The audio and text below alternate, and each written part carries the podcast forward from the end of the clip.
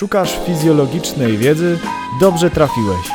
Witam w serii Poza żargonem. Wspólnie zgłębimy, co ci w ciele gra. Podcast rozgłośnia. Naszym hasłem przewodnim będzie gadanie od rzeczy, ale na temat. Dlatego poruszę Twoją wyobraźnię bajką, na podstawie której rozjaśnię konkretne, fizjologiczne zagadnienia. Startujmy. Seria Błony komórkowe. Odcinek czwarty. Kręci błoniarze. Błoniarz podżegacz. Ostatnio było o transporcie transbłonowym, ale na tym opowieść o błonach się nie kończy. Nie tylko są przepuszczalne, ale potrafią też przekazywać niczym kable w obwodzie impulsy elektryczne, między innymi korzystając ze wspomnianych w poprzednim odcinku białek transbłonowych. Czym jest stan spoczynku, repolaryzacja i depolaryzacja? Tym razem przedstawi Wam to błoniarz podżegacz w znanym już Wam mieście Membrani. Zaczynamy. Białe słońce snopami światła pocięło gęstwinę chmur nad miastem. Mieszkańcy, natchnieni odrobiną spokoju w tym blasku, można by powiedzieć, odpuścili sobie bezustanne czuwanie nad swoim życiem. Nic bardziej mylnego. Jasnym promieniom bliżej było do sztyletów, brutalnie zagłębiających się między kamienice, uliczki i alejki.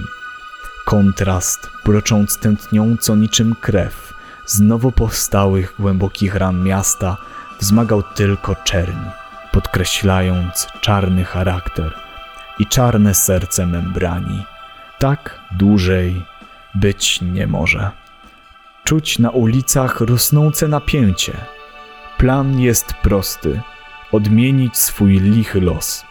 Rewolta jednak potrzebuje nieczystych zagrywek. A takie dobrze znane są błoniarzowi podżegaczowi. Nie ma na co czekać. Sprawdźmy, co tym razem nam pokaże. Morska woda pod wpływem odbitego światła tworzyła świetliste diuny na murowanym moloportu membrani.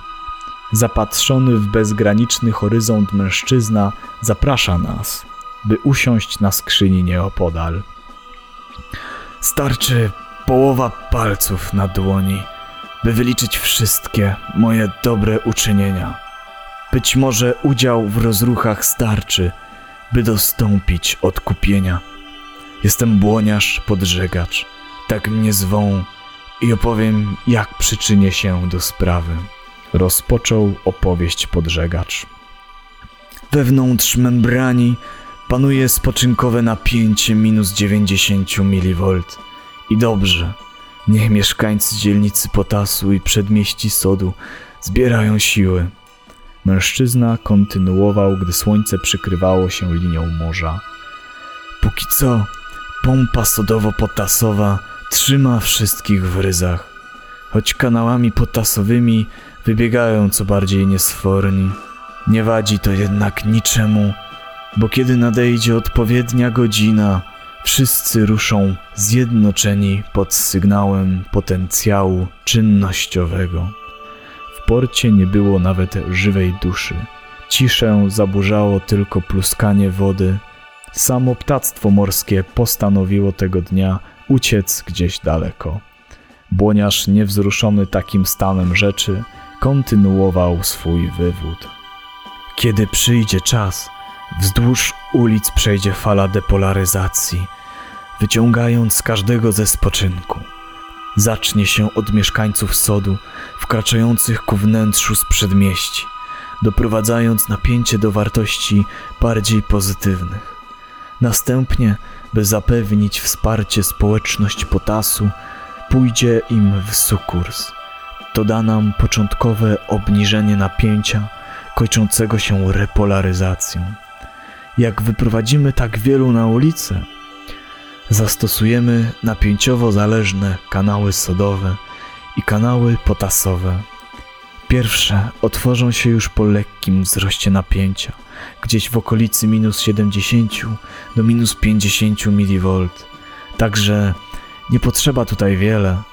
Natomiast drugim będziemy musieli dać trochę więcej czasu, bo wymagają wyższych wartości potencjału membrani. Wszystko albo nic. Wszystko albo nic z tego nie wyjdzie. Cała membrania musi wyjść ze swoich domów, by odmienić losy tego miasta i swoje życia. Po chwili ciszy błoniarz przemówił podniesionym głosem. Jeśli pierwsze uderzenie nam się nie uda, wszyscy uciekniemy do pompy sodowo-potasowej. Na czas tej refrakcji żadne napięcie nas nie ruszy, ale będziemy zbierać siły do kolejnego uderzenia aż do skutku. Słychać w oddali rosnące zamieszanie. Z panoramy membrani wznoszą się pierwsze tumany ciemnego dymu. Biją dzwony na alarm, wszędzie roznosi nasilający się gwar. To już ten czas, to już ten moment. Z przedmieści sodu ruszyli już mieszkańcy. Słychać strzały, krzyki, skandy i czasem wiwaty. Tymczasem mężczyzna wstał i ruszył w stronę dalekich hałasów. Odwrócił się na moment i rzucił jedynie wszystko albo nic. A teraz bardziej przyziemnie o roli błony komórkowej w przekazywaniu impulsów elektrycznych. Występuje różnica potencjałów elektrycznych między wnętrzem, którego potencjał stanowią głównie jony potasu i ujemnie naładowane aniony białkowe, a zewnętrzem, tudzież mamy takie jony jak sód, chlor, a czasem do całości swój wkład mają jeszcze jony wapniowe, na przykład w komórkach mięśnia sercowego. Gdyby nie pewne mechanizmy, cząstki swobodnie dyfundowałyby przez błonę, doprowadzając do tego, że wszędzie byłyby równo rozlane. Na przekór takiej ewentualności wychodzi omawiana już dla błony selektywna przepuszczalność i pewien potencjał elektryczny, mający swój udział w trzymaniu całej tej wesołej gromady na swoim miejscu. Tym właśnie zajął się Walter Nernst, tworząc równanie opisujące napięcie potrzebne do tego, by przyciągać lub odpychać odpowiednio naładowane jony zgodnie z ich obecnymi stężeniami po obu stronach błony i od tego czasu już żadna molekuła od tak nie wypływa i wypływa sobie według własnego widzi mi się. Dziękuję panie Walterze. Na całkowity potencjał błonowy ma wpływ więcej niż jeden jon. Tutaj z pomocą w ustaleniu sumarycznego zestawienia potencjału każdego jonu przychodzi równanie Goldman-Hodgkin-Katz, uzupełniające całość o przepuszczalność dla poszczególnych jonów. Stężenie potasu i sodu wraz z ich e, przepuszczalnością podlegają największym zmianom w momencie przewodzenia impulsu. Dlatego są krytyczne dla danego procesu. Dla przypomnienia, sód głównie występuje po zewnętrznej stronie błony, a potas po wewnętrznej. Wszystko zaczyna się od stanu spoczynku gdzie potencjał błonowy wynosi minus 90 mV i jego wartość dopiero przy wzroście od minus 15 do 30 mV rodzi depolaryzację.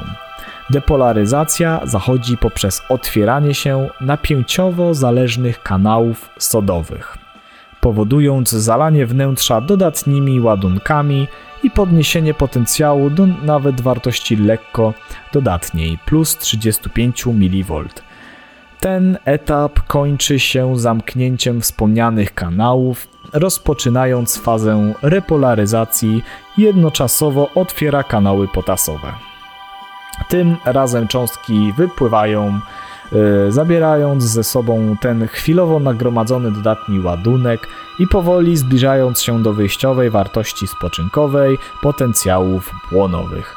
Warto wspomnieć, że potas w niewielkim stopniu wycieka przez jego kanały, nawet w stanie spoczynku, ale całkowitemu rozładowaniu zapobiega aktywnie działająca pompa sodowo-potasowa.